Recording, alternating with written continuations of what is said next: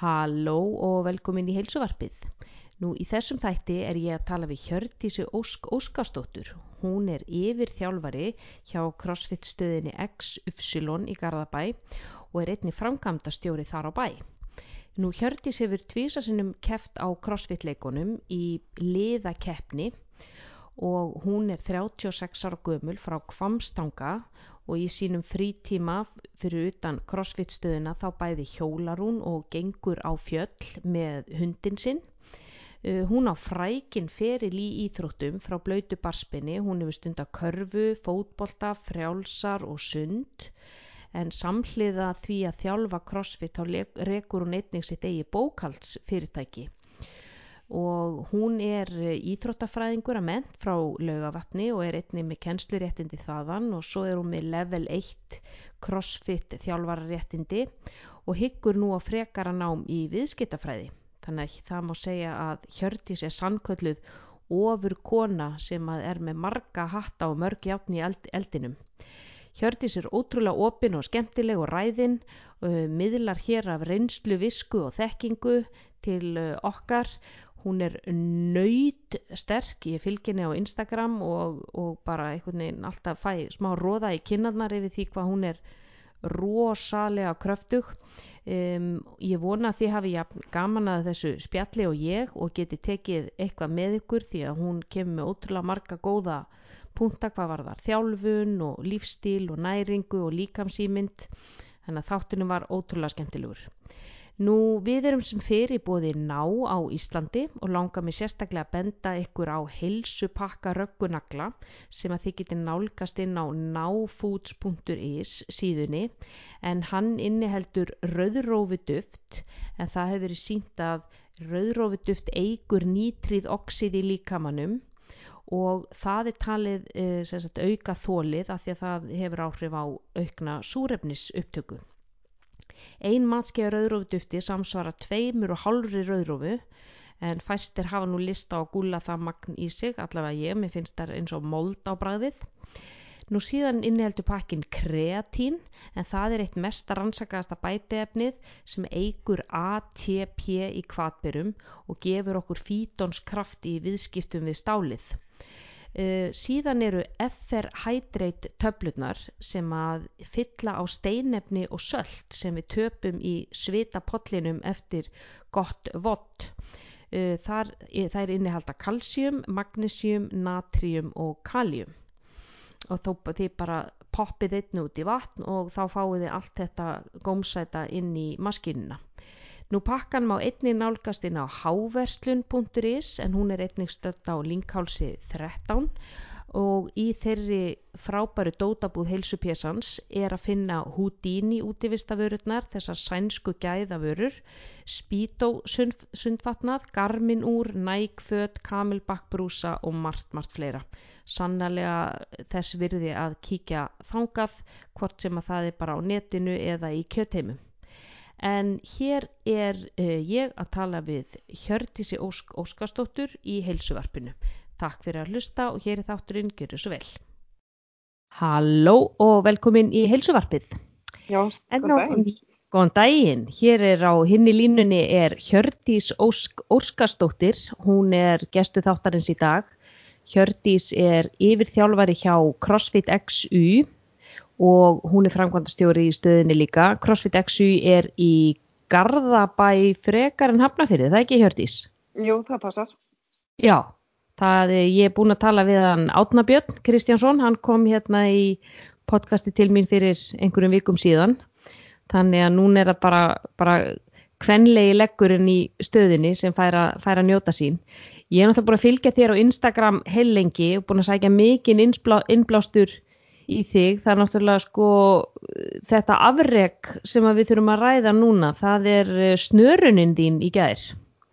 Já, já þurfum að ræða það. Sko ég er nefnilega fórin á CrossFit Games síðuna þar er profíliðinn og þar segja þeir 75 kíló í snats ég held að þeir þurfu alveg að fara að uppdeita núna. Viltu já. segja hlustendum frá þessu frækna afregi sem að þú varst að, varst að klára? Uh, já, og ég bara er sjálfveilega um það að trú að ég hafi bara snara 83 kíló vegna þess að ég bara býða svolítið lengi eftir að komast yfir þessi 80 kíló. Og ég er búin að vera rauninni að lifta svolítið vel núna undanfæri og bara búin að ganga mjög, mjög vel. Og hérna einhvern veginn núna er þetta svona loksins að smetla eftir öll þessi ár. Þess að ég komið tími til bara. Já. Ég er bara svona, e maður hefur svona fundist maður alltaf eiga eitthvað meir inn í snuruna því að ég er svona í grunninn frekar sterk en einhvern veginn snurunni verið alltaf svona svolítið eitthvað, þú veist, seiki hjá mér. Einhvern veginn aldrei náð almenlega þessum tölum sem er langað að ná. Og það er svona smá statement að vera komin yfir 80 kíló.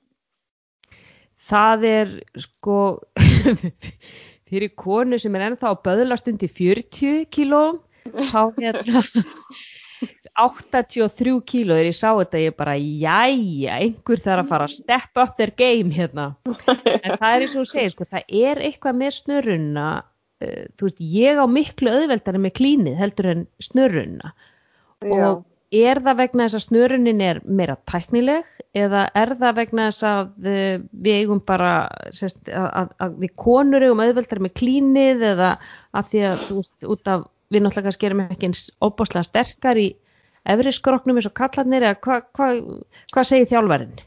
Sko þetta er ofsalega tæknileg reyfing og hérna og rauninni mun tæknilega heldur en klínið og ofsalega mikil þólimaðisvinna sem er að baki því að ná að vera hann góður í snurun en á sama tíma verður náttúrulega líka að hafa ofsalega mikil liðlega til þess að geta gert bara reyfinguna fullkomlega mm. og hérna og mér finnst reyndar oftar konur aðeins betra snara en kallar af því að þær hafa oftast aðeins meiri liðleika heldur en kallar mm. þannig, þannig að svona en, en þú veist, hlýnið er náttúrulega er bara svona einfaldari reyfing og kannski auðveldra fyrir konur að, og bara kalla, að komast upp í þýndi klíni vegna þess að það reynir ekki eins mikið á liðleika en mm -hmm. og hérna, og þú getur svolítið komið stöngin bara upp á axlir án þess að vera tæknilega góður Það er svolítið þetta böðlenið að nú upp, sko. Já, það er svolítið og það, sé, hefur alveg séð það svona gennum tíðina sko. Já, en já. svo er þetta líka bara svona rosalega mikið svona mental snurun, þú veist, þú ert að henda náttúrulega undir stöngina, bara beint nýri bótstöðu og þú verður líka þóra sko, þú veist, það er bara, og ég held að það sem, það sem er bara að há mér svolítið svona í gegnum tíðina, svona, ég hef alltaf verið svona aðeins stífi í aukslunum mm. og svona, og það er svona kannski svona há mér og ég hef líka þá að saman tíma verið svona rög að bara henda mér undir þessa þingdir mm -hmm. En svo núna finnst mér svona sjálfstöðstu komið svona meira í og þú veist ég er búin að vera meðslanlaus lengi núna sem er bara afræk fyrir mig, ég er búin að gangi með mikið að meðslum svona mínu ferli og þegar maður er heill og þú veist líka mér er lægi og hausinu er lægi þá hérna, þá held ég svona smetlur þetta bara. Já, segðu mér hvað, hvað var það sem að, hvernig byrjaðir þú þín fyrstu skref í CrossFit? Herði, ég hérna var sem sagt að byrjaði að fara náttúrulega í bootcamp eftir ég hérna, var svona ennþá að spila fókbalta og var að byrja að hamast eitthvað í bootcamp með hérna vinkonu minni. Og síðan byrjaði að fara þau eitthvað að kynna sig sem sagt Elva Þór og Anni mist, þau voru þá með mér í bootcamp. Og hérna þau fara að kynna sig hvað crossfit er og er svona hérna, er eitthvað svona sniglast í þessu. Og þeim finnst að skoða hugmynd að við förum út og keppum sem lið á svona Evropaleikum í rauninni hann á 2010 eða eitthvað, já 2010 held ég. Og hérna og enginn af okkur hafi gert crossfit þú veist við hérna sest, fórum bara saman smurðum saman eitthvað lið. Anni og Elvar voru að fara að keppi einstaklings þannig að við svona ákveðum að fara enginn eins og segja byrjar að crossfit. Þannig að við förum og eftir þá einu náum að vinna okkur innan það sæti á leikan en það voru bara eina liðir en þú veist það var enginn tilbúin til að fara eitthvað heimsleikan og ekki vitandi valla hvað crossfit er sko. Og eftir það svona kveikta svolítið í, í okkur öllum. Og hérna maður fór svolítið svona meira að gera crossfit og þau hérna sérst Elvar Anni opnaði hana crossfit BC og að ég í kjölfari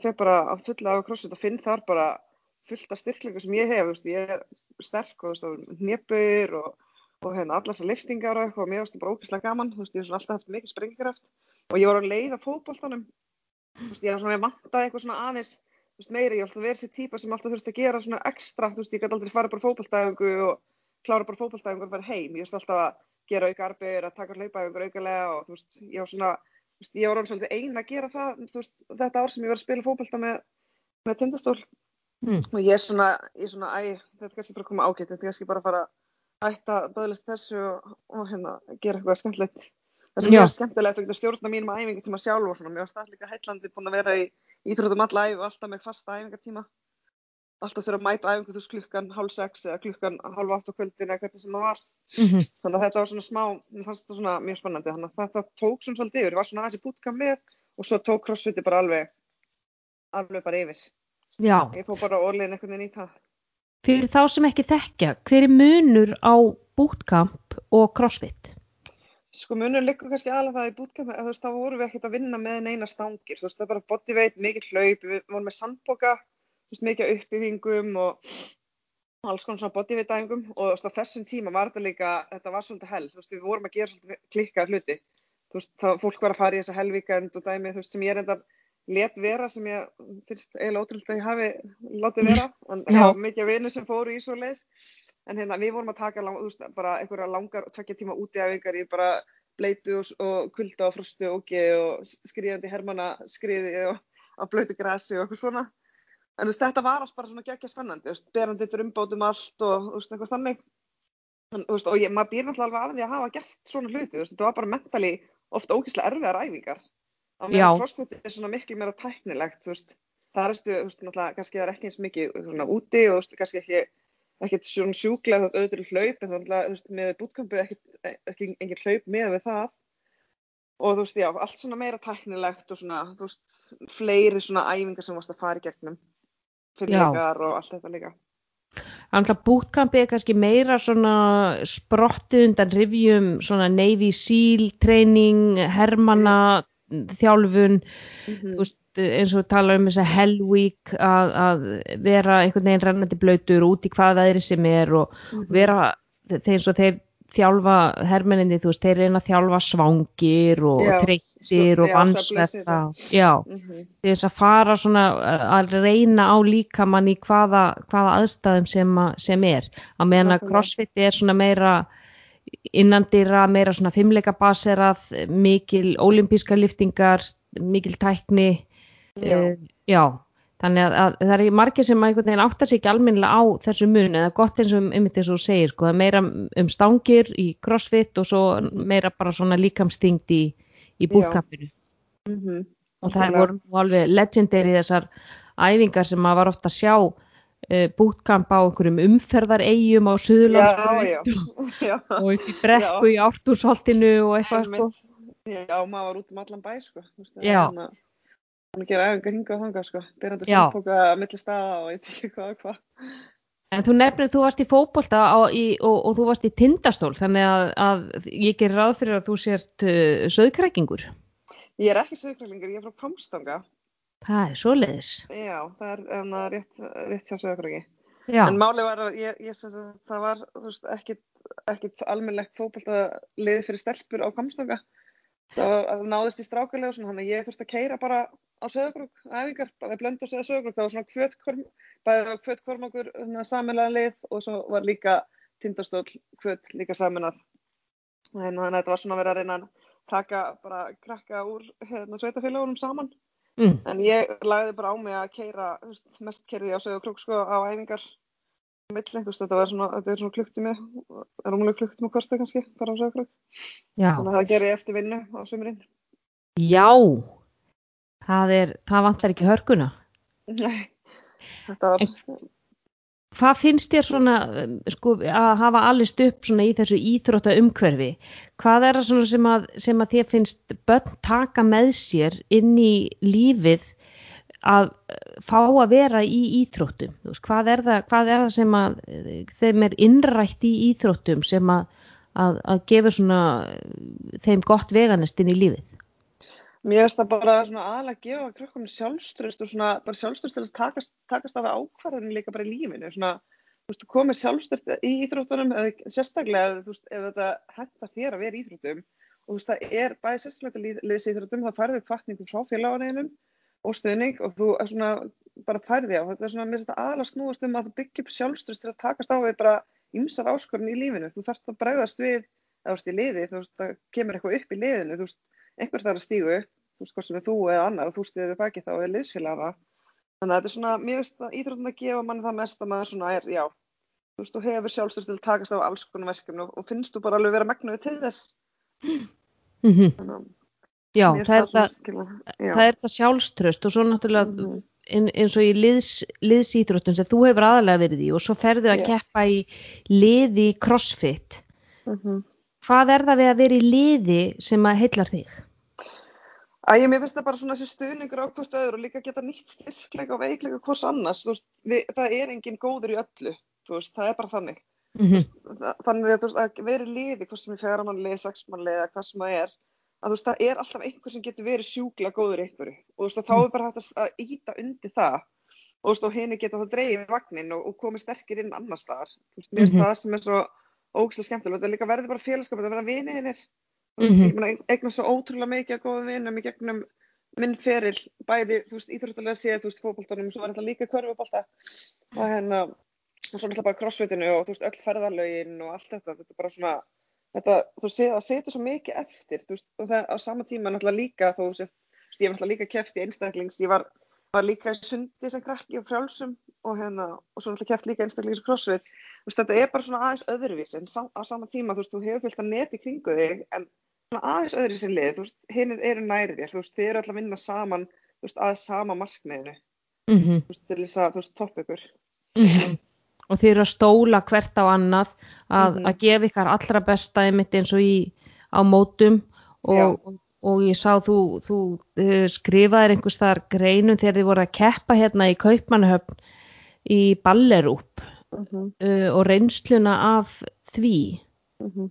og, og getur sagt hlustendum aðeins frá hvernig svo reynsla var þegar þið fóruð á það mót. Þið voru hérna var- Dream Team. Já, við fórum, já, því, þá, þá fórum við hérna saman í liði og við vorum búin að, þú veist, það var búin að undirbúið þetta svolítið, en það var hérna Team Thor sem við fórum í, við vorum hérna ég og Sveinbjörn og, og fleiri í liði. Eh, Þetta var bara svona, þú veist, það var rosa mikil undirbúningu fyrir þetta mót og svona, þú veist, það voru mikla væntingar og vissum alveg værum alveg með mjög gott lið til að komast allar leið. Og í rauninni, þú veist, við settum alveg mikil undirbúning, það var fullt að vinna á bakvið, þú veist, fórum með fullt af fjáröflunum bara til þess að fjármagna allt, af því við vorum alveg allan tíman að stefna bara, þú veist, við erum bara að fara alla leið á leikana, þú veist, við ætlum ekki að stoppa bara í ballarúb, sko, þú veist, það var bara, við ætlum bara að fara alla leið, þess og, hérna, góðan undirbúning fyrir þetta, það var allir bara í góðu standi og hérna, voru allir tvílt mikið að hérna, leggja á sig til þess að ná þessu verkefni hérna, já, það var ótrúlega skemmtileg upplifun svona að, síðan, að ná þessu og standa hann á pallinum og vera bara komið með hérna, hérna, vegabrif bara til bandaríkjana, sko. Aðgöngu miða á sjálfa CrossFit leikana. Já. Já. Hvernig var svo upplifun að fara til bandaríkjana og keppa þar? Það var rosalega gaman og bara, þú veist, maður mætti bara að við fórum bara, ég gleymi ekki fyrst skipti sem við fórum í bara registration, ég hef bara aldrei verið á einhverju stað þar sem var bara svo mikið fólki í góðu formi, þú veist, það var bara allir með sixpack og bara, þú veist, við vorum bara svona, hvað, þú veist, í hvað eru komin, þetta er bara ótrúlegt. Mm -hmm. Hérna, það var bara, þú veist, þetta var svo ógíslega, þú veist, maður var svo þakklátt fyrir að vera, þú veist, bara geta verið hérna og í dag er líka bara svo ótrúlega þakklátt fyrir að hafa fengið öll þessi tækifæri, þú veist, að, veist, í dag er þetta náttúrulega orðið miklu harðara og miklu erfir að komast að leikana, þú veist, maður fór á leikana bara þannig ár eftir ár, Mm þú veist, að, keppa í liði. Og, veist, auðvitað náttúrulega, áttu við svo sem ekki mikið breyk í liðin, þú veist, við vorum ekki ofalega, þau komum á leikana, Nei. en veist, það skipti bara í lengur máli þannig að segja, við vorum bara, þú veist, það var ógeðslega gaman að stíga á sviði, þú veist, það var fullt af skemmtilegum votum sem við gerðum, þú veist, við fengum fullt af reynslu og þú veist, þetta var bara svona, já, það var ótrúlega, bara, veist, maður er svo ótrúlega þakklætti fyrir að hafa fengið öll þessi tækifæri. Mm -hmm. Manst eftir einhverju skemmtilegu, eða skemmtilegu, einhverju viðbjóðslegu votti sem að, sem að svona stendur eftir í minningunni? Sko, mér er nú eiginlega bara svona minnistæðist þegar við keftum hana í leiðakeppninu 2016, þá hérna voru, var svona, var, sérst, í mörfi rauninni, þú veist, við þurftum að bera hvort annað á hérna svona sjúkrabörum, þú veist, við Ha? strákan, strákanir lága börum og við sérst, hérna, sérst bárum, þú veist, þetta voru svona tvö hól Mm. og veist, voti tók okkur 69 mínútur. Nei. Þetta var bara, þú veist, við byrjum á þessu hlaup að bera hvort annað á þessum börum, þannig ekki að nákvæmlega hvað, hvað var langt hlaup, komum svo inn á stadium og það var fullt af æfingum með orm, þú veist, pusspress með orminn og upphýfingar og eitthvað fleira klín og press og fleira, hérna, og þú veist, við bara, þú veist, við vorum í alvegni, þú veist, eins og sagði, þú veist, þú 69 mínútur með votið, þú veist, það voru allir orðin bara alveg gjössanlega Gjössanlega búnir, marineraðir bara. Og, já, og líka bara í þessum hita og þú veist, mm -hmm. þetta var mhm. bara svona, þú veist, ég má bara svona, vinkonum minn, hún ráfaði eitthvað um völlin og þú veist, hún vissi ekki hvort hún var að koma að fara og þekkti ekki börnin sín. Nei. Þú veist, bara, þú veist, strákarnir voru bara stúkunum bara, hei mamma, og hún bara, þú veist, hún góndi bara gegnum, gegnum þá. Þú veist, þetta var, þetta er svona, þú veist, í minningun er þetta svona eitthvað svona, ok, þetta var eitthvað svona alveg dæmi, sko, sem maður var að gera. En gekk þetta sem sagt, sko, en, en svona líkamlega séð, gekk þetta hálfpartið nærri fólki? Ég menn, ég veldi fyrir mig hvort að einhverja bara reynlega upp, upplifa bara raptó eða eitthvað eftir svona húsalegt vott. Sko við allan að, þú veist, við náðum alveg jafn okkur eftir þetta og hérna, enginn sem að mittist eða fikk raptó eða neitt þannig og mm. það var enginn í hýtstróki hjá okkur. Mm. Svo veit ekki, þú veist, það heyrði svo sem ekkert mikið af því, en hérna, svona, ég komist í gegnum þetta svona þokkarlega, sko.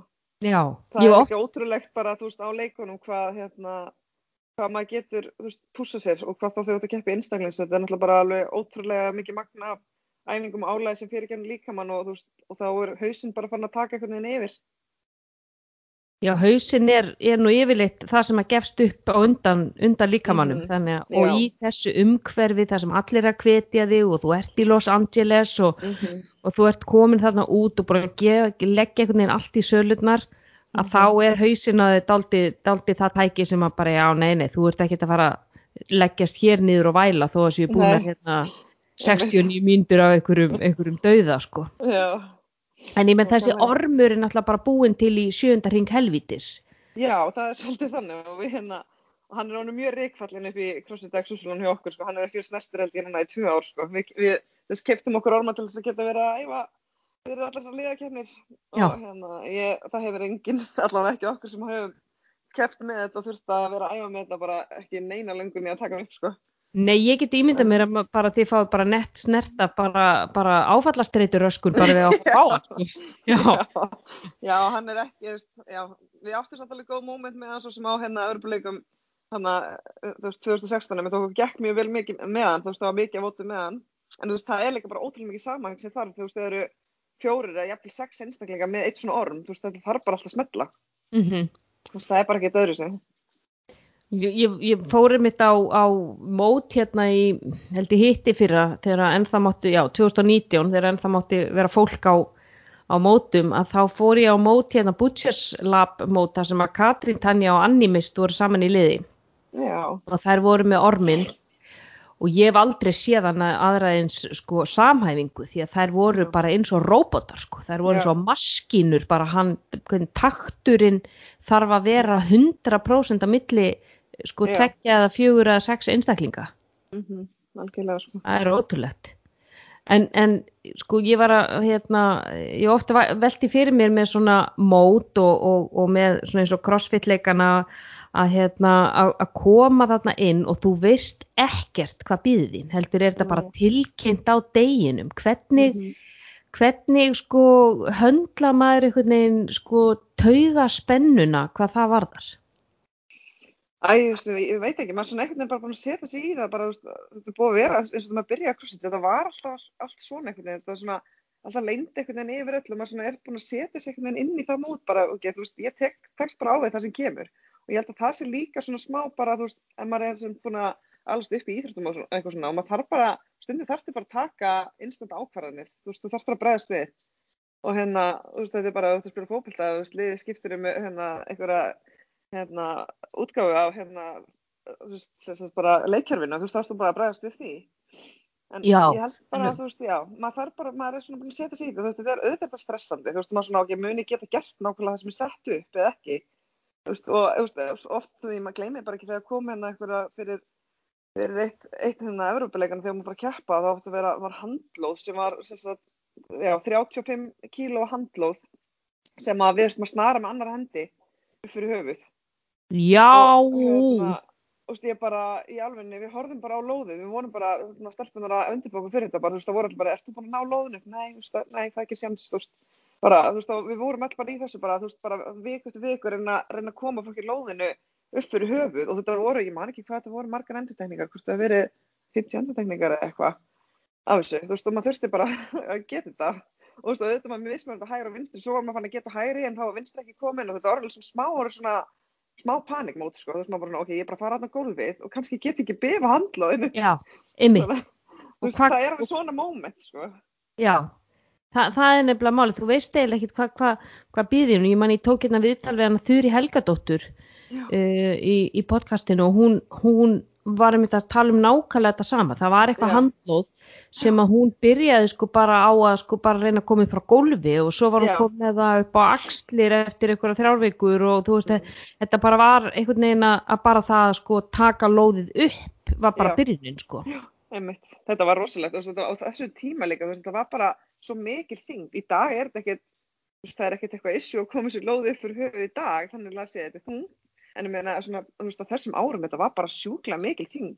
mm -hmm, og það er eiginlega orðið hálf svona skeri að sjá sko hvað, hvað er hvað, hvað þingdirnar er orðna svakalegar í þessum þessu, þessu crossi, crossi sporti hefur stækkað svo gríðarlega á síðustu árum og, og fjölgunin í því þeim sem taka þátt í open og, og, og það er einhvern veginn kröfun að verða bara hærri og hærri og fólk Mhm. virðist bara alveg bara standa undir þeim Já, það verðist vera, sko. Það er allir bara, þú veist, sportið hefur bara, er búið að vaksa svo svakalega síðustu ár, sko. Þú veist, það bara, og þú veist, minna, og líka fólk er bara að gefa sér meiri tími í æfingu. Þú veist, í dag getur ekki verið í þessu sporti nema þú sért bara all in, þú veist, bara atvinnumæður. Þú veist, þú getur ekki, þú veist, ég segja bara, þú getur ekki vera, þú veist, ætlaðir að fara heimsleikana nema þú sért bara að gera þetta. Þú veist, það er bara alltaf smetla. Þú veist, æfingar, allt recovery, svefn, mataræði, þú veist, bara hausin á þér og þú veist, þetta bara, veist, þú getur ekki verið að vinna mikið með þessu, sko. Veist, það er alveg, Nei, enda sér maður þessar sko, þessar topp elitur að það eru, það er, ég held að ég, fari rétt með að það séu bara eiginlega tveir sem að það er Brent Fikowski og, og Pat Wellner sem að eru í vinnu með. Pat Wellner er hluta til kiropraktor já, einmitt. og ég held að Brent Fikowski sé endurskoðandi og en allir hinnir eru í þessu bara full time, þeir eru bara, eru bara atvinnu íþróttamenn og, og fara að sofa klukkan átta og næringin er upp á tíu og, og það er bara, þeir eru bara með sko her manns í kringum sig sem að sjá um bara næringasamsetningu og, og, og hlaupaþjálfun og, og þú veist, fimmleika þjálfara og þetta er bara endalust, þetta er bara orðið vinna. Já, algjörlega, sko. Það er bara, og það er bara frábært að fólk fá að þetta ekki verið að geta gert þetta. Og, veist, og, bara, og ég held að fólk eigi einmitt bara þeir sem geta gert þetta veist, að nýta tíman meðan það er hægt því að þú verður ekki alltaf æfi í topp formi sem íþróttamæður sko, líka með en hefur bara x ár sko. Já, já, og, og eftir ákveðin aldur og þá nær, nærðu ekki þessu recovery, segir konan sem er að vera 42 ára, að þó, þó að hausin á mér haldi að líka minn sé 25 ára, þá er líka minn bara já, nei, nei, þú, ert alveg definitely ekki 25 ára lengur. Þannig að það maður er líka það, alveg. já, þetta læðist upp á mér, þú ert hvað, 36 ára? Já, ég verður Já. 37 ári sumar sko. Þannig að ég er ofta að gera grína að ég er svo allt og gömul fyrir þetta og, og ætti nú bara að fara að hætta þessu og eitthvað. Og svo held ég að núna síðast ára er bara besta ára mitt bara næstu frá því að ég bara byrjaði crossfit frá þannig að síða sko. Þú veist svona líkamlega síða sko. Þú veist, ég hef aldrei verið, verið veist, já, jafn heil bara, allstaður ekki verið með meðsli og annað. En ég held að þessi líka kannski ástand fyrir því að, þú veist, ég bara, þú veist, ég er ekki, að, þú veist, er ekki búin að keppa neitt alveg síðust tvö ára eiginlega. Mm Þú veist, ég er ekki að setja eitthvað óþara kröfur á líka, menn ég þurfa að geta gert hitt þetta, ég er svolítið, og ég ætla bara, þú veist, ég cherry picka bara það sem ég er að æfa, sko, ég æfa það sem ég er skaman og ég hlusta bara ótrúlega mikið á líka minn, þú veist, ég er ekki að fara að hamast í einhvern nefum ef ég er þreytt í njánum, þú veist, þá ger ég bara eitthvað annað, þú veist, að, það er ekki pressa á mig, þú veist, ég er ekki að setja þessa pressa á mig, ég þurfi, að gera þetta, veist, ég þarf ekki að fara, veist, og taka hlaupaðingu, að því að, ég ætla að fara að keppa á þessu móti, -hmm. Þetta er ég bara svona, mér langar bara að vera í góðu formi, mér langar bara að vera sterk og, og, það gengur vel og mér finnst bara gaman aðeins með félögum mínum og bara svona hafa gaman. Ég held með ég bara svona á þessum síðustu árum sem er svona talið sem að segja bara þú veist, hundrað ára, sko, en þú veist, maður á bara þú veist, að njóta þess að æfa, sko. Já, njóta þess það er alltaf svona stærsta markmið, bara að vera heill, sko.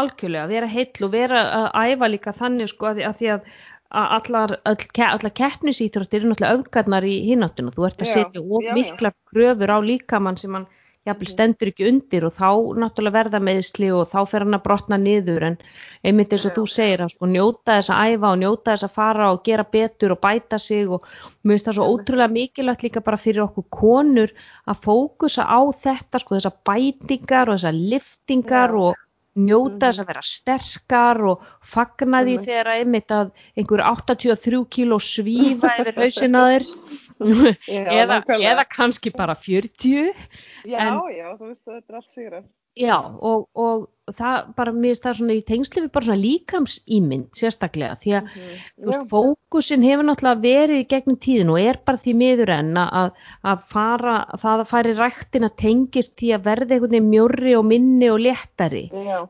En, mm -hmm. en sko að brína fyrir konum að fara í rættina til að vera starri og sterkari og meiri Já, algjörlega Fær, ég, ég vil alveg vera, vera ég vil bara vera fyrirmynd í þessu ég vil að fólk sjá ég, þú þarf ekki að vera þú þarf ekki að vera í offing til þess að vera sterkur sko.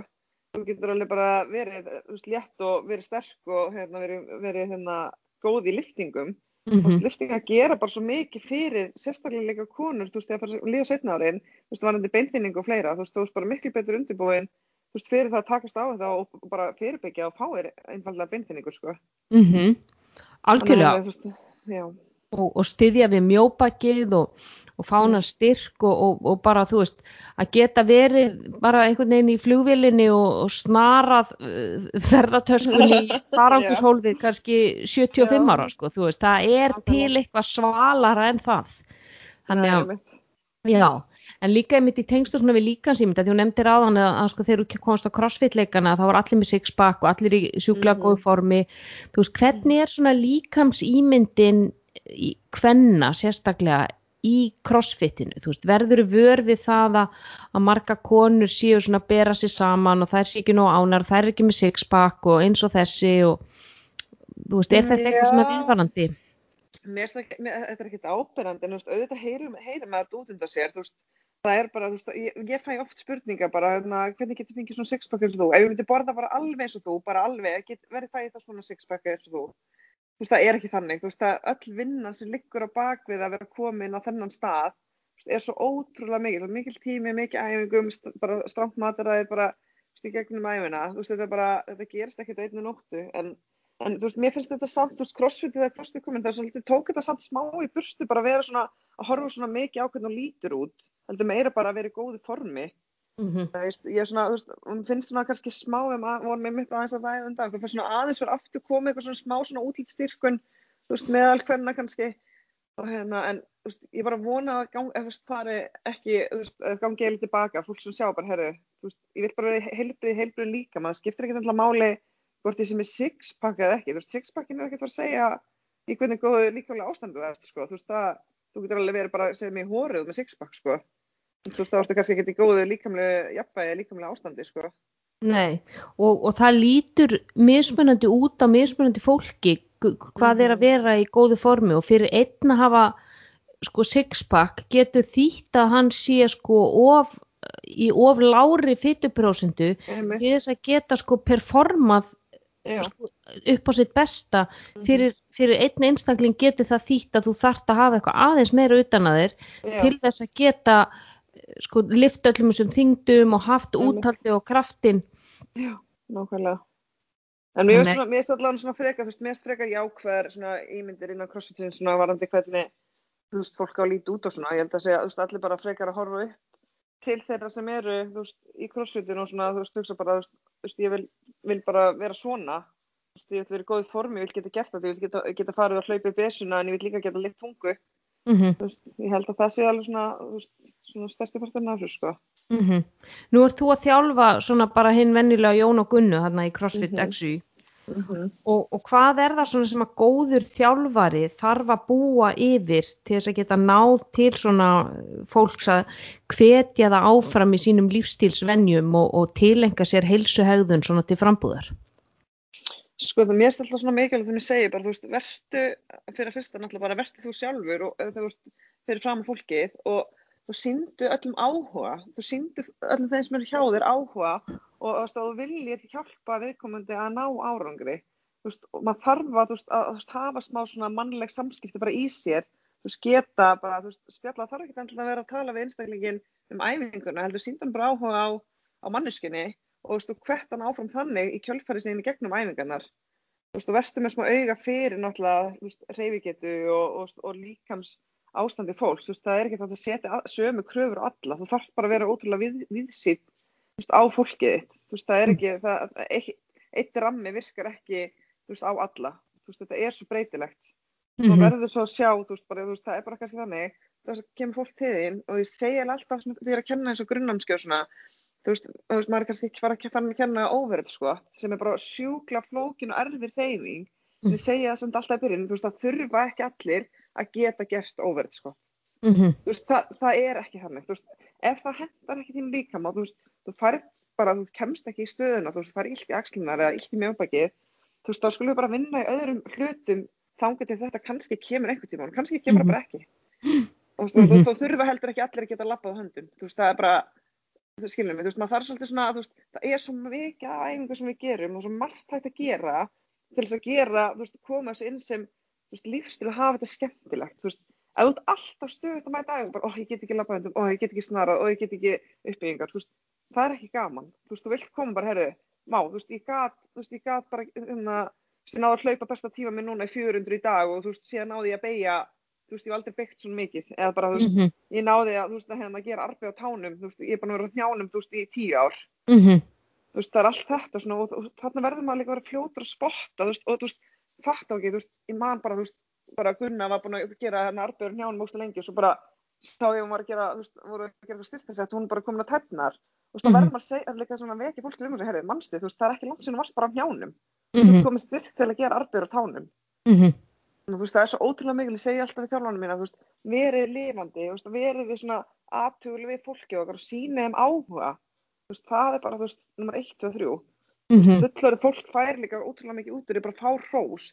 Við erum bara daglega er bara fólk leðilegt að hrósa og svo kemur það kannski inn í krossustöð og það færður bara fullt að hrósi bara fyrir þú veist bara, þú veist, þú veist, þú veist, þú veist, þú veist, þú veist, þú veist, bara vákuð sterk í dag, þú veist, Mm -hmm. þess vegna bara segja bara, heyrðu, þú veist, fáið nýja skóður er ekki að flottir? Já, já. þú veist, bara eitthvað svona þú veist, það þarf ekki meira, sko. Já, crossfit crossfit og skór, það er eitthvað sama sem merkir þar á milli. Já, það er eitthvað. Já, ég held að sé ve veikt samband held ég bara þetta er, þetta er, þetta er, já ég, maðurinn minn var að taka til í skápnum hjá okkur og hann tók alla stregarskónum mín og hann taldi 31 par Já, einmitt. og það eru sko ekki skotnir sem eru heima hjá mömmu og Íslandi og ekki skotnir Nei. sem eru hjá pappa og þannig að alveg, en, en sko þarna er svo nefnir sko þessa litlu sigra að geta bent mm. fólki á sko þú ert ekki sama manneskja nú vast hérna fyrir tveim viku þegar þú varst ennþá að taka arbeður á njánum, nú ertu orðin Nei. sterkari og getur tekið arbeður á tánum og mm. svona benda þeim á styrkleikana og bætingarnar og vekja aðtikla á þeim heldur en að vera alltaf að fókusa því að crossfit svona í, í, í, í svona búin og grún er svolítið oft sko veikleika tengt, þú veist, ég get ekki mhm. snörun, ég get ekki muscle up, ég get ekki staðið á höndum en þú veist, ég get ekki hnepegur og ég get ekki double unders eða ég get ekki veist, hérna, tóstubari, ég er ágætt að hlaupa eða ég er góð að róðravilni og, og fókusa þá bara á að bæta sig þar, það er svo, að þetta er svo óbúslega vítt sport, það er svo margar undigreinar. Já, það er svo mikið, þú veist, á sama tíma, þú veist, þá líka feikir þetta á eldn og þess að ég má bara, því ég byrjaði að crossfit, þú veist, ég var ekki með fimmleika bakgrunn, þú veist, ég hafði aldrei staðið að höndum okkur viti, ég bara, oh my god, ég stóð fyrir fram veggi, en ég má bara, Anni var með það að kenna mér, hún bara, ok, þú bara tekur skref og svo spinnur, ég bara, já, og ég bara tók skref og ég bara, ég get ekki spinn mér, ég bara, Nei. þú veist, ég gæti ekki hugsa mér fyrir kvölf veist, þetta svona, þú veist, saman tíma þó svo að, þú veist, maður kannski svona sumir bara taka út eitthvað æfinga bara, þú veist, það er allt annað kannski að vera eitthvað keppnum og keppnistýðrútt og alla bara, alla leið, heldur en að vera bara Jón og Gunnar sem æfa crossfit fjóru sinni viku, en þetta líka kveikir eldma hjá manni, þú veist, bara svona, herði, ég ætla bara að geta þetta, mm -hmm. þú veist, ég hlýta að geta gert þetta, þú veist, bara, þú veist, ég ætla ekki að gefast upp. Mm -hmm. og, hérna, mm -hmm. og þú veist, það er líka svo ógeðslega gaman, þú veist, ég gleymi bara ekki, þú veist, sérstaklega þetta handstöðdæmi, þú veist, ég er bara aldrei verið góð í að standa höndum eða gera handstöðarfi eða lappa höndum og veist, mér finnst þetta bara ofta að hugsa tilbaka, bara vá, þú veist, ég er bara komin ógíslega langt í þessari reyfingu með að við að hafa ekki haft neitt grunn hvað þetta varðar. Já, einmitt. Þannig... Og það er ótrúlega gaman að sjá líka þegar fólk byrjar sko svona kannski komið að letast að skeiði, kannski orðið færtugt, fymtugt og mm -hmm. það er að læra að standa höndum og það er að læra að taka hringi og það sýnir manni bara hvað líka minn er sko sveigjanlegur og tegjanlegur fram á Mhm. bara sko gamals aldur að við getum alveg lært eitthvað nýtt og Já, stöðut, sko. já, þú líka áhrif á taugabrautir í heilanum Já. og heldur því, þú veist, því, því það svona talað um að sko því flóknari sem hreyfingarnar eru því, því meira virkjast heilin og því ólíklega er fólk til að fá Alzheimer og svona að stunda fjölbreytta hreyfingu. En, en hvernig er svona til dæmis eins og með eh, svona ykkur í, í CrossFit XU, eru því að leiðbina fólki til dæmis, þú veist, hvernig að borða, þú veist, sofa, drekka vatn og svona aðra lífstílsvenjur fyrir utan salin, þú veist, þegar það er komið heim og þú veist, því að nú kemur það til ykkar í eitt klukkutíma en svo er það bara í 23 tíma Já. eitt og sjálft. Já, sko við bara oft tökum við svona umræðu bara þú veist, í lók tíma sem við erum að tegja svona tökum kannski umræðu um bara mataræði eða svefni eða eitthvað svona eða setjum stundum alltaf með bara líka þú veist, Spotify og grúpur, Facebook-grúpur sem við setjum oft svona pisla kannski inn bara til að minna fólk líka á en hérna, og svo náttúrulega getur fólk, þú veist, við erum alveg, við náttúrulega líka, erum við að eitthvað þjálfa og fólk getur líka sátt bara til að fá kannski bara ráðgjöf frá okkur. En Mm. við reynum alltaf að taka svo umræðu á til bara, þú veist, hvað skiptir máli að sofa ná þessum átta tímum allavega, þú veist, í svefn, og kvílast og, og, hérna, og hugsa um mataræðis eftir sama tíma, þú veist, þetta snýst ekki bara um að mæta og, og djöflast, þú veist, kannski er eins og ég oft svona tala um, þú veist, eins og varandi svefnin og þú veist, ég fundi það svona sjálf, þú veist, þetta er eitthvað sem ég er búin að taka mikið til minn síðustu ár, er bara, veist, að, veist, að halda svefninu mínum góðum, að því ég finn svo mikið mun ef að hann fer eitthvað, veist, að fokkast upp, að, ég segja til fólk, ef þú ert svefnlaus og þú, hérna, ert van- van- vanur að æfa klæðan 6 á mótnana, það er eiginlega hotlara fyrir þig, að sofa lengur og sleppa sér æfingu klæðan 6. Þú veist, 100%. það- Þú, þú færð meira út úr því líkamlega séð og þú það er ekkert mikið að gera fyrir þig, að vera búin að sofa kannski fjóra tíma mæta á æfingu klæðan 6. Mm -mm. Þú veist, þá Nei. er bara betra sofa lengur, þú veist, fólk er kannski með stór heimili og mikið að gera eða vinnur langt frá mann og kvöldi eða hvað sem það er. Þú veist, þetta hefur allt áhrif, þetta hefur bara streitu áhrif sem að á endanum einhvern tíma krassaru. Þú veist, Mhm. þá bara, þú veist, ég er sjálf alveg lett á vegg og þú veist, maður bara svona, maður svona reynir oft svona segja, þú veist, reynum að koma veg fyrir þetta áður en það gerist, áður en það verður vandamál, þú veist. mm -hmm, að því að allt recovery og öll viðgerð og allt gerist í svefninum og við erum líka þú veist, öll, allt sem við vorum að gera á æfingunni fyrir, fyrir um daginn, það eru við að svona ná að sko innprentin í tögakerfið í, í svefninum og, og að fá fullan 8-9 tíma svefn er fundamental til þess að þetta, þetta ferðlegi sér stað Algjörlega, sko. ég man ég hlusta einn svona á, á ég hlusta á Matthew Walker sko bara ég geti örgulega fyllt heilu, heilu dóðrandana því sko ég held ég að hlusta á Joe Rogan podcasti með honum, ég held ég að hlusta á áttasinnum. Uh, þar var hann nefnitt nefndan rannsókn sem að uh, það voru menn bara frískir 25 ára kallmenn teknir í eina viku og svefnin þeirra var stittur úr 8 tímum í fjóra bara í eina viku. Og Já. Það minkaði testosterón í líkamannu þeirra um 50% bara á einni viku.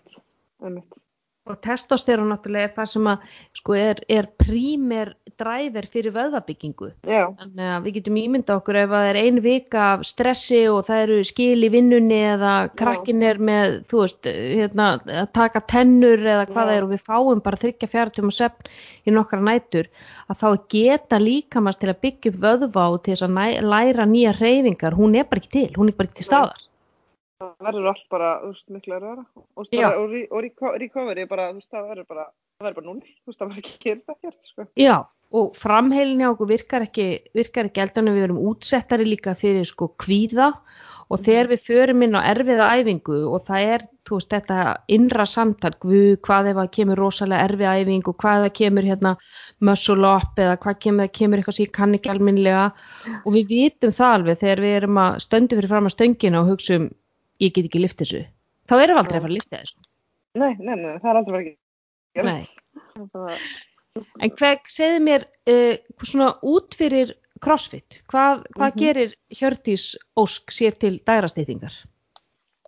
Herra, ég hérna, ég náttúrulega er, veist, á hund og hérna, ég er náttúrulega mikið að sinna henni og svona, legg svolítið mikið metna í að, að þjálfa hann og er svona smá, segja, svona smá hunda nörd sko og hérna, en svo er ég bara mikið útivist, þú veist, ég elskar bara fjallahjól og hérna, og, og er mikið með, þú veist, með vinnum mínum og svona, þannig ég hérna, það er svona, þú veist, það sem ég svona gerir þess að vera, þú veist, að þjálfa og, og vinna, svo er ég náttúrulega líka, ég er hérna líka með eitt annað auka fyrirtæki bókaldsvinnu, þannig ég er, er líka með það.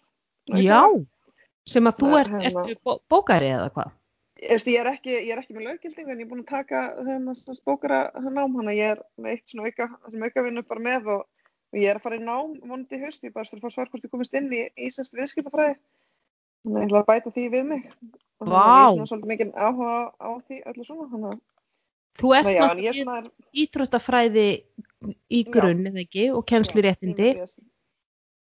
Og ég ætla að, sérst, að mér langar að, að fara sérst, að því mér langar í master í viðskiptafræði en ég ætla að taka nokkar kursa í BS sem ég þarf svona bara svona undirbúiniskursa og hérna fara svo inn í masters í viðskiptafræði hérna og halda áfram svona eitthvað þeirra breytt líka Það er ekki er verið að, alltaf, crossfit samt sko já, en það er ekki verið að ráðast á garðin þar sem hann er lægstur. Það er bara bætt við sér meira námi og já, samhliða öllu öðru.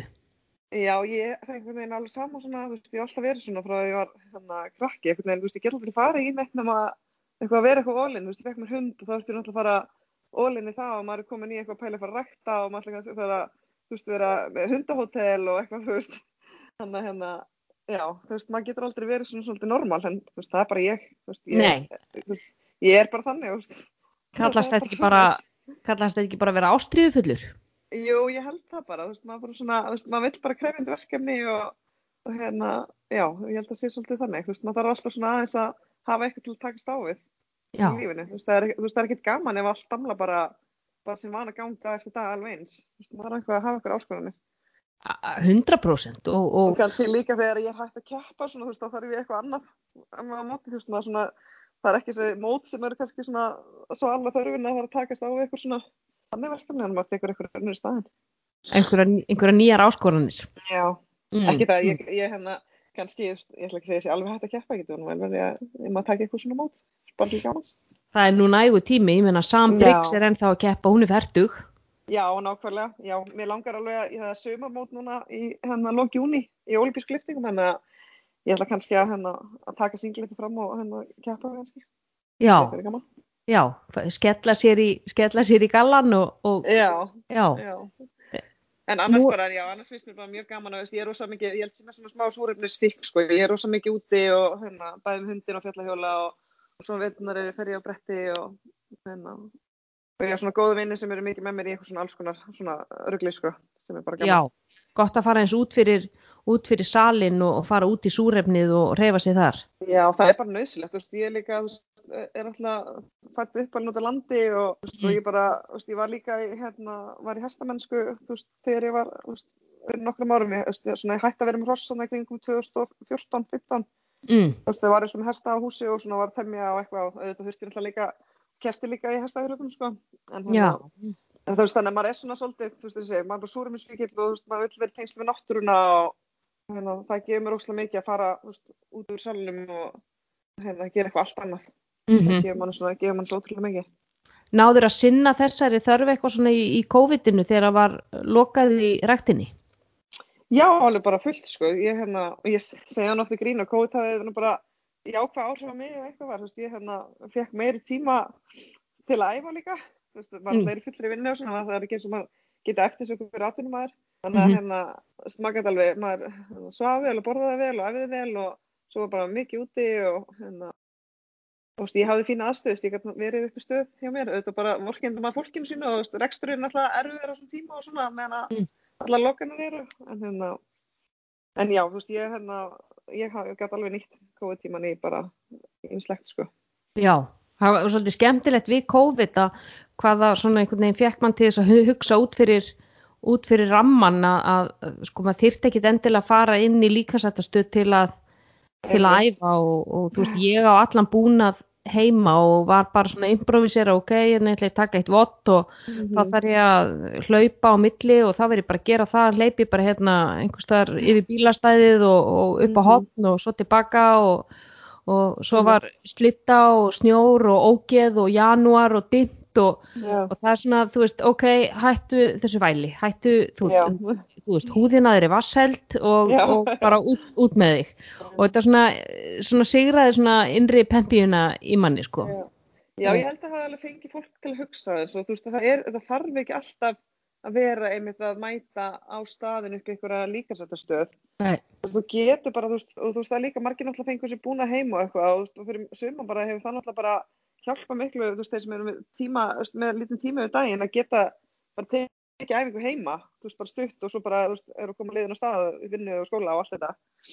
Bara líka, þú veist, að sjá bara, þú veist, þessu margt þetta að nýta í náttúrunni, þú veist, og bara vera úti Mm kynnast líka bara umhverfinu, þú veist, er margt, þú veist, að búandi á höfuborgsæðinu, þú veist, þú veist, komandi svona utan á landi, því maður bara, kom til Reykjavík fyrst, mér fannst bara, þú veist, Reykjavík var bara Malbygg og Götur, þú veist, það, þú veist, er Mhm. ekki meira Reykjavík, sko, en, þú veist, ég er búin að kynnast, ég er búin að hjóla þetta út um alla Reykjavík og, þú veist, heimörk og upp um fjöll og út um allt hérna bara í nákvæmlega Reykjavíkur og það er svo margt í búið fyrir okkur, þú veist, og, og þú veist, og þetta sýnir sig kannski smá, þú veist, það kemur eldgós og það bara fara allir að lappa eldgósi bara mörgum mm Mhm. í viku, -hmm. fólk hefur kannski aldrei farið bara að lappa úlfarsvelli eða þú eða esjuna eða helgafelli eða eitthvað æminni þú veist, svo er bara búið að fara þrísusinu upp á gósinu og bara geðið gaman að vera í fjallgöngu.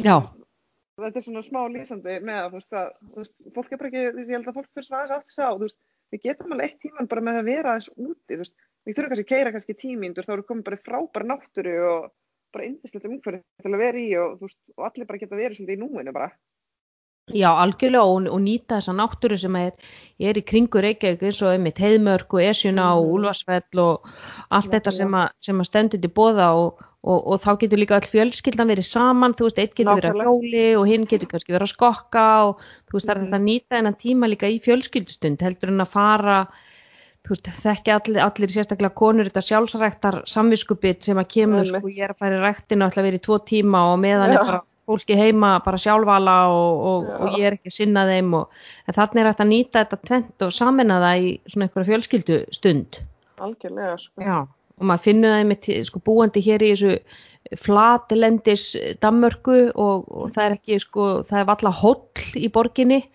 að hvað maður saknaði þess óbáslega sko þessarar náttúru og, og, og hvað Íslendingar eru hefnir að hafa öll þessi fjöll til að lappa upp á og Mhm. það er bara komin þessi frábæra sko reyfing og, og reynir á fæturna að lappa upp í móti og fá súrefnið og sjá útsýnið og bara einhvern veginn að komast í tengsl við, við jörðina sko. Já, það Mm. er bara svo mikil- mikilvægt sko, bara aðeins að hjartengja sig. Mm. Segðu mér uh, svona, hva, hvað er, er uppáhalds maturðin? Herri, ég bara elska lambakjöt og það er bara, Mm. já, ég bara er, það er bara minn besti matur sko, lambalæri eða lambarhyggur, eða það er bara það besta sem ég fæ sko, ég er rosa mikið já, og ég borða bara ofsalega svona hreina fæði, þú veist, mér finnst bara, bara hrein og góð fæða, þú veist, það er bara best, bara góðu fiskur, þú veist, mér líka mjög góður, en ég bara, lambakjöt er eitthvað sem að, þú veist, mér finnst bara alltaf gott, þú veist, það er bara er best. já, ó, já, grilla, grilla lambakjöt, það er nú bara eitthvað besta sem Já. ég fæst. Já, er bara- algjörlega, algjörlega. En hvernig er svona Já. típisku dagur í mataræði hjá, hjá þér? Herði, það er svolítið, ég hef búin búin að prófa, þú veist, ég æfi yfirlt á mótnana, sko. Mm. Þannig að hérna, eins og var ég ótrúlega mikið morgumata manneskja og fyrst ég bara að borða, veist, vakna og fyrst sem ég gerði var að borða. En núna er ég sérst, þannig að, borða ég ekki þá fyrir æfingu. Drekk bara lýsið mitt og tek vítamínu mín og svona. Það er mér reynda rauðrúsa. Svo hérna, svo fæ ég mig morgumatinn minn svona upp úr hádegi, þú veist, þá fæ ég mér alltaf hérna, svona eggjahræra sem sitt eitt egg og eggjahvíti og banana Mm. saman á pönnu, skambóla Mm. það saman og Mm. borða það með netismjöri, ég er mjög mikið Ó. netismjörsmanneskja. Ó, tengi, tengi. Mhm. Já, og svo bláber eða eitthvað svona ávistu með.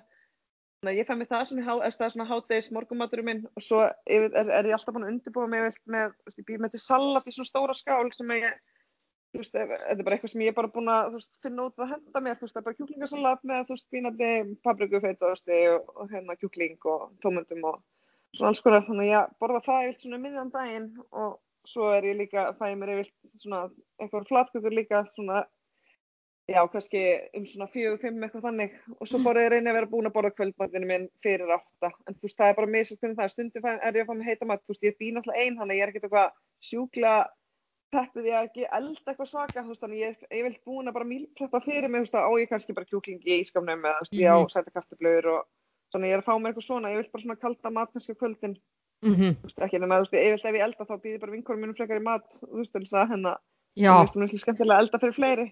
já, Og svo stundum, stundum er það líka alveg þannig, stundum er- fæ ég mér bara hafragröð í kvöldmat, sko, þú veist, hafragröð með hérna eplum og hnettsmjöri og, og prótein út af.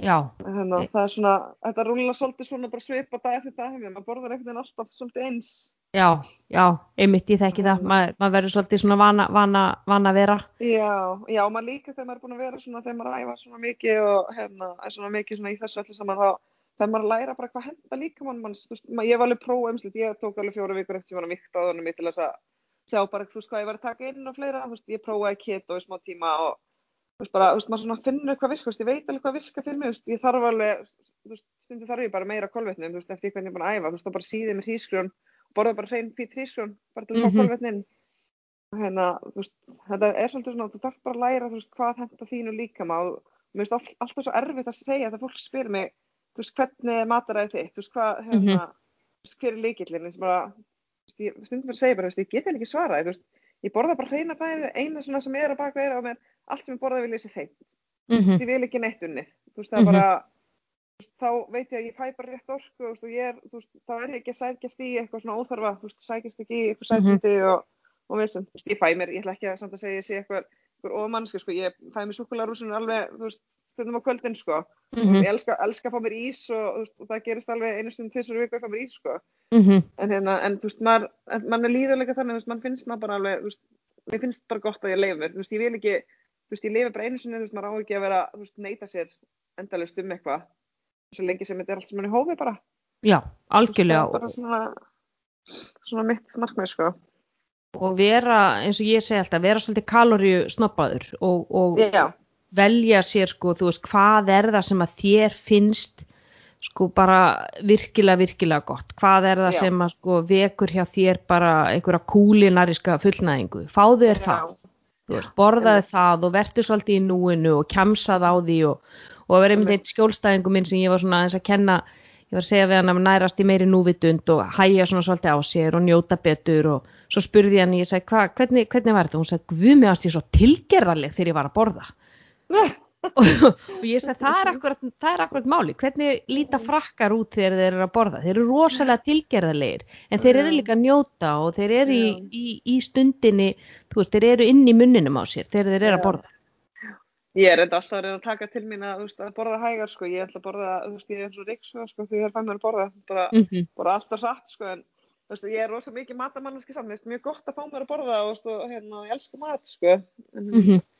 Já, en maður þarf alltaf að taka til sem kannski, heyrðu, maður er kannski út að borða fínu veiting sem maður bara, heyrðu, ef ekki bara svona aðeins anda, þú veist, það er bara, veist, njótum þess bara að vera að fá okkur þess, fyrir að fá okkur enn, og náða, sko, þú varst bara að koma á námskeið til mín þegar við förum að halda námskeið aftur. Mm, svo það ekki, já. Ég hef ekki eftir því, sko. En, en þú nefnir sko að þú fáði rauðrófusafa. Ég er nefnilega verið að fá sem að fá mér rauðrófusafa uh, líka, eða sko rauðrófu duftið frá ná. Ég Já. blanda það bara út í, út í sko pre-workouti mitt og mér finnst þetta svín virka fyrir þólið. Því þetta Já, eigur nýtrið oxið í líkamannu en meiri súrefnisflutningur. Úst, Í hvað Mhm. tilgang er þú að taka rauðrófuduft? já, ég er bara nákvæmlega í sama veist, ég er bara, ég drekk bara safa, veist, ég kaup bara frá Sollu, veist, sem ég á Mhm. bara og ég, á mótnana, þú veist, þá þamba ég bara, ég veit ekki hvað sirka er hljóta mikið að rauður á mig, sko, þetta er kannski, Mhm. þú veist, einn og hálfu desilítur eða eitthvað. Mm desilítur. Og hérna, já, þú veist, ég hugsa þetta bara þegar ég er búin að mitt bara lesa um þetta, þú veist, þetta hefur bara áhrif á súrupsupptöku og, Mhm. hérna, já, þú veist, ég veit að þetta gerir manni gott og hérna, og ég treysti ég bara þess að, ég er bara búin að taka því að drekka þetta á mótnana í mörg ár, sko. Já, er það, já, já. Já, ég er bara búin að nota núna í svolítið tíma og þetta, mér finnst þetta svín virka sko, ég finn Mhm. rosa mun á, á þólinu og mér finnst einmitt bara fínt að bara skella bara smá dufti út í uh, pre-workout eða ég finn eiginlega svona ekkert mikið, mikið bræða af þessu og bara ískallt sko og, og að því mér finnst einhvern veginn rauðrófur, ég minnst alltaf þess að ég geta bara mold. Já, að segja það til margir, mér finnst Já. þetta vera svo góður, sko. Já, finnst- mér finnst þetta þetta, rauðrófur mjög já, góður. já, þe- þetta er, þetta er mjög gott sko, þannig að já, já, ég, þetta er eitthvað sem að, sem að fólk ætti að algjörlega að, að, að prófa. En Já, En, en einhvern svona önnur bætefni, veist, ertu eitthvað að taka kreatín eða beta-alanín eða glútamín? Já, ég tek kreatín alltaf eftir aðeingu og svo tek Mhm. ég unbroken, ég semst fæ mér alltaf kreatín unbroken og svo kolvetna blendu strax eftir. Já. Svo er ég bara með hrein kolvetni sem ég seti í og unbroken töflu og kreatín. Þannig að ég drekka þetta alltaf bara beint eftir aðeingu bara til að fá kolvetni strax inn líka. Já, Og unbroken er bara svo, svo gott fyrir recovery, hérna, fullt af hérna, aminosýrum og hérna, hérna, já, og ég tek það og ég tek náttúrulega prótein líka, ég drekk náttúrulega ég drekk hlæðslu og svo, þú veist, eh, fæ ég um próteinduft, þú veist, stundum, ekkert alla Mhm. daga, sko, Mhm. svona eftir bara hvernig, hvernig ég er búin að vera að borða, hvort mér finnst þurfa þess ekki, mhm, hérna, Mhm. og svo náttúrulega, er ég með pre-workout, sko, þú veist, náttúrulega betalinn í því og eitthvað þannig, já, Hérna- já, Já. já, það er svona helsta. já. Með, með pre-workout uh, sem er með, er með, þú veist, beta-alanín og Já, ég bæti, bæti kreatíni úti og kreatín finnst mér vera bara leikbreytir. já, það er það, og þú veist, þetta er alltaf mest rannsakað fæðaðrefni bara í heiminum, sko. Já, já, og, hérna, er ef bara sínt fram á að það bara virkar. það virkar sko veist, og hérna, og, og ég hef ofta spurðið að tekur kreatín, þú veist, ætti ég að gera það eitthvað svona og sérstaklega konur þegar þú veist, í gamla daga var sem tala um að þú veist, fólk myndi vatnast mikið að vera taka kreatín og svona, þú veist, í dag er þetta bara orðið það- bara flott efni að hérna, fólk er ekki að vatnast á kreatínu sko, það er bara hreint kreatín og þetta hefur bara, þetta hefur, þetta hefur svo góð áhrif á sprengikraft og, og styrtareikningu og fólk finnur mun á sér Algjörlega, og ef þú tekur bara kreatín monohydrat, bara algjörlega Mhm. hreint kreatín, Já.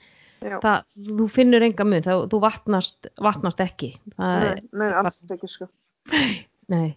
En Hjördís, þú ert Mhm. reynlega viskubrunnur, það er frábært að fá því, þú ert alveg rosaleg fyrir mynd, ég er alltaf að fylgjast með þér á, á Insta, ég er búin að stela fullt af vottum frá þér og, Já, og, og ég veit að það er hérna að, að fólk mun hafa njóta góðs af því að, að fylgja þér á, á, á Insta, þú ert með opin prófíl Já, Þannig, ég er bara vona, alla vona þú það ert- að fólk hafi gaman að því.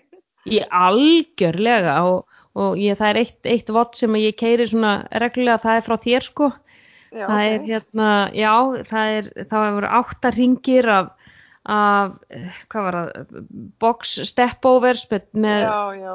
handlóð Já. já, og snörun og, og svo var það assault hjólið Tækinu, já, já, hvort það var já, 200 metrar á, á, á hlaupabretti já. en ég skipti í stundum yfir fyrir, fyrir einhverjar 15 kaloríur á, á assaultbækinu Já, þetta er mjög góð hefing. já, hún er mjög skemmtileg sko og alveg bara tekur vel á og, og, hérna, og svona einföld sko Já. En Það þarf ekki að vera flókið, sko. Nei, þú ert Hjördís O.O. á, Mhm. á Insta, Já. Já, og er einhvers þar annar stað sem fólk getur fyllt þér, þú veist, ertu á Twitter eða Facebook eða, Nei, ég er náttúrulega bara á Facebook, sko, en þú veist, ég er að nota Instagram með svona mest kannski fyrir crossfiti og svona, veist, Mhm. og bara svona það sem ég er að gera í lífinu, þú veist, ég er ekkert, mér finnst bara gaman að sína frá því sem ég er að gera, ef fólk hefur áhuga eða hefur ekki áhuga, það getur bara sleppt að, að fylgjast með manni. Þannig að maður svona, maður svona vill bara reyna að vera líka, finnst alveg, þú veist, ég vil vera fyrirmynd, þú veist, ég vil alveg, þú veist, að hérna, að sína, þú veist, hvað ég er að gera, sérstaklega kannski fyrir unga stelpur og, og, þú veist, ef maður getur gefið eitthvað af sér, það mér bara frábært. Þú sko frábær fyrirmynd, bæði fyrir unga stelpur og fyrir konur komnar yfir færtugt. Já, Ha. já, það er gott. Það er alveg, alveg klárt. En Hjördís, takk kærlega fyrir að gefa þér tíma til að tala við okkur í heilsuvarpinu og miðla af, af reynslu, þekkingu og viskuðinni og, og við óskuðir allsins besta og ég laka til að sjá þegar þú tekur 85 kíló í snurun. Já, takk hérlega, takk fyrir að fá mig. Til ykkur hlustundu góðir, takk kærlega fyrir að hlusta á heilsuvarpið og þang til næst, veriði bless.